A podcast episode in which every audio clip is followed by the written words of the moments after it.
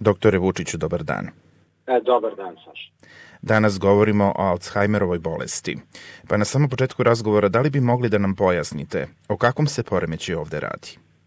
Alzheimerova bolest je neurodegenerativna bolest moždani poremećaj srednjeg ili poznog doba koji uništava neurone i veze u moždanoj kori, što dovodi do značajnog odbitka moždane mase Danas se smatra glavnim uzrokom demencije, koja se nekad smatrala normalnim stanjem u starosti.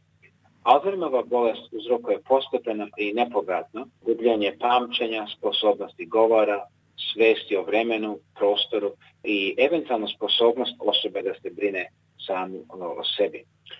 Bolest je prvi put opisao nemački psihijatar Alois Alzheimer, po kojoj nosi ime ta bolest, davno 1906. godine i tada se smatrao da je ona redko mentalno stanje pretežno mlađih ljudi. Danas se kasna Alzheimerova bolest prepoznaje kao najčešći uzrok gubljenja mentalnih funkcija osoba koja su starija od 65 godina života. A rana Alzheimerova bolest je sada mnogo ređa i to se javlja kod e, ljudi u 30. 40. i 50. godinama života. Iako je Alzheimerova bolest e, nije prirodno stanje, rizik od dobijanja ove bolesti raste sa godinama. Neki pacijenti koji boluju od ove bolesti se suočavaju sa ogromnim strahom i frustracijama dok se bore sa nekad najjednostavnijim zadacima i dok polako gube svoju nezavisnost. A kažete mi, koji su simptomi ove bolesti? Alzheimerova bolest se pojavljuje postepeno. U ranim fazama ove bolesti pacijent ima relativno male probleme, uglavnom sa formiranjem novih informacijama i pamćenjem da je je oskladio svoje stare stvari kao što su ključeve ili novčanik. Tada počinju problemi u prepričavanju ranih događaja ili u pronalaženju reči kako bi se čovjek izrazio. Kako bolest napreduje, pacijent može imati poteškoća da se seti koji je dan ili mesec ili da pronađe put kroz poznato okruženje. To može da izazove sklonost ka tome da se osoba izgubi i da kasnije ne može da se vrati nazad kući. Pacijent često postaje razdraživ ili odsutan dok se bori sa strahom i frustracijom, kad nekada poznata mesta postanu strana i nepoznata. Promene u ponašanju se manifestuju tako što pacijent postaje paranoičan i nesposoban da učestvuje u razgovoru.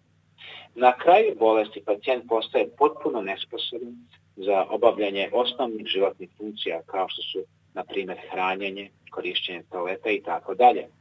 Pacijenti koji boluju od Alzheimerove bolesti mogu da žive dugo sa ovom bolešću i umiru od poremećaja kao što su pneumonija ili upala pluća. Vreme od dijagnoze do smrti pacijenta je između 7 do 10 godina, ali postoje razne varijacije od 3 do 20 godina, što sve zavisi od starosti pacijenta, zdravstvenog stanja i tako dalje. Da li bi mogli da nam pojasnite o kakvim se deformitetima mozga kod pacijenata sa Alzheimerovom bolešću radi? Naravno, mozak pacijenta koji boluje od Alzheimerove bolesti ima karakterističan oblik abnormalno oblikovane proteina, plakova i fibrila. Ovaj oblik nemaju svi delovi mozga i najčešće su zakačeni delovi mozga koji su zaduženi za pamćenje, takozvani temporalni režnji mozga.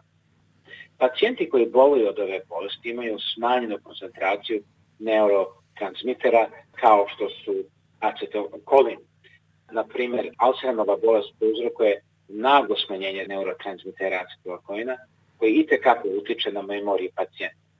Nedostatak drugih neurotransmitera kao što su somatostatini i tako dalje, pogotovo kod mlađih pacijenata, isto tako serotonin i norepinefrin ometaju normalnu komunikaciju između nervnih ćelija i dodaju simptomima ove opake bolesti. Profesore Vučiću, da li postoje znani faktori koji uzrukuju ova bolest? Pa uzroci Alzheimer bolesti još uvek nisu u potpunosti rasvedljeni.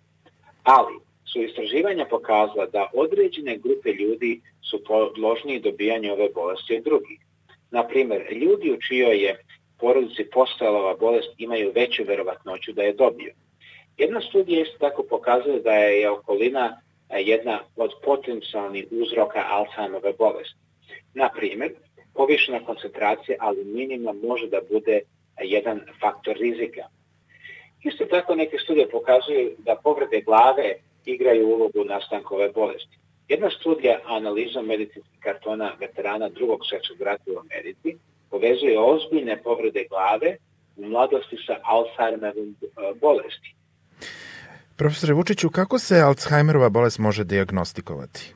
Pa, Alzheimerova bolest se može potpuno utvrditi tek nakon što se nervno tkivo pregleda pod mikroskopom, što je moguće posle smrti, znači patološki se može diagnozirati. Zbog toga doktori se osnovaju na druge tehnike e, u toku pacijentovog života da bi diagnostikovali Alzheimerovu bolest. Dijagnoza počinje time što se uklanjaju svi mogući uzroci gubitka pamćenja, kao što su depresije, alkoholizam, moždani udar, upotreba droge i tako dalje. Pacijent se zatim podvrgava pregledima uključujući specijalnom skiniranju mozga, koristeći MRI scan, da bi se e, kao uzrok otklonili i drugi poremećaj kao što su tumori mozga. Tada bolesnik podvrgava detaljnim pregledu koja se zove neuropsihološki pregled koji je dizajniran tako da proceni njegove sposobnosti i da izvrši određene mentalne zadatke. Ovo pomaže doktoru da odredi da li on pokazuje znakove Alzheimerove bolesti, postepeno gubljenje memorije, poteškoću u izraživanju i gubitku svesti u vremenu i prostoru. Isto tako, neuropsihološki pregled može da otkrije druge vrste e, demencije, kao što su frontotemporalna demencija. Doktori se takođe raspituju o medicinskoj prošlosti e, pacijenta da saznaju više o nekim težim bolestima u porodici, što može da pomogne u diagnosticiranju bolesti. A kažete mi, da li se Alzheimerova bolest može izlečiti? Za sada ne postoji specifičan lek e, koji može da izleči Alzheimerovu bolest, ali postoje lekovi koji leče i usporavaju tokove bolesti. Lekovi koji povećavaju koncentraciju neurotransmitera acetalkolin su odobreni od strane raznih agencija kao što su američka FDA za lečenje Alzheimerove bolesti. Bolesnici primaju inhibitore kolinoesteraze koji je enzim u mozgu koji smanjuje acetalkolin i ovi lekovi imaju skroman ali pozitivan efekat na simptome bolesti ovi lekovi koje pacijent koristi u svim fazama bolesti, ali su posebno efektivni u ranijoj ili srednjoj fazi Alzheimerove bolesti.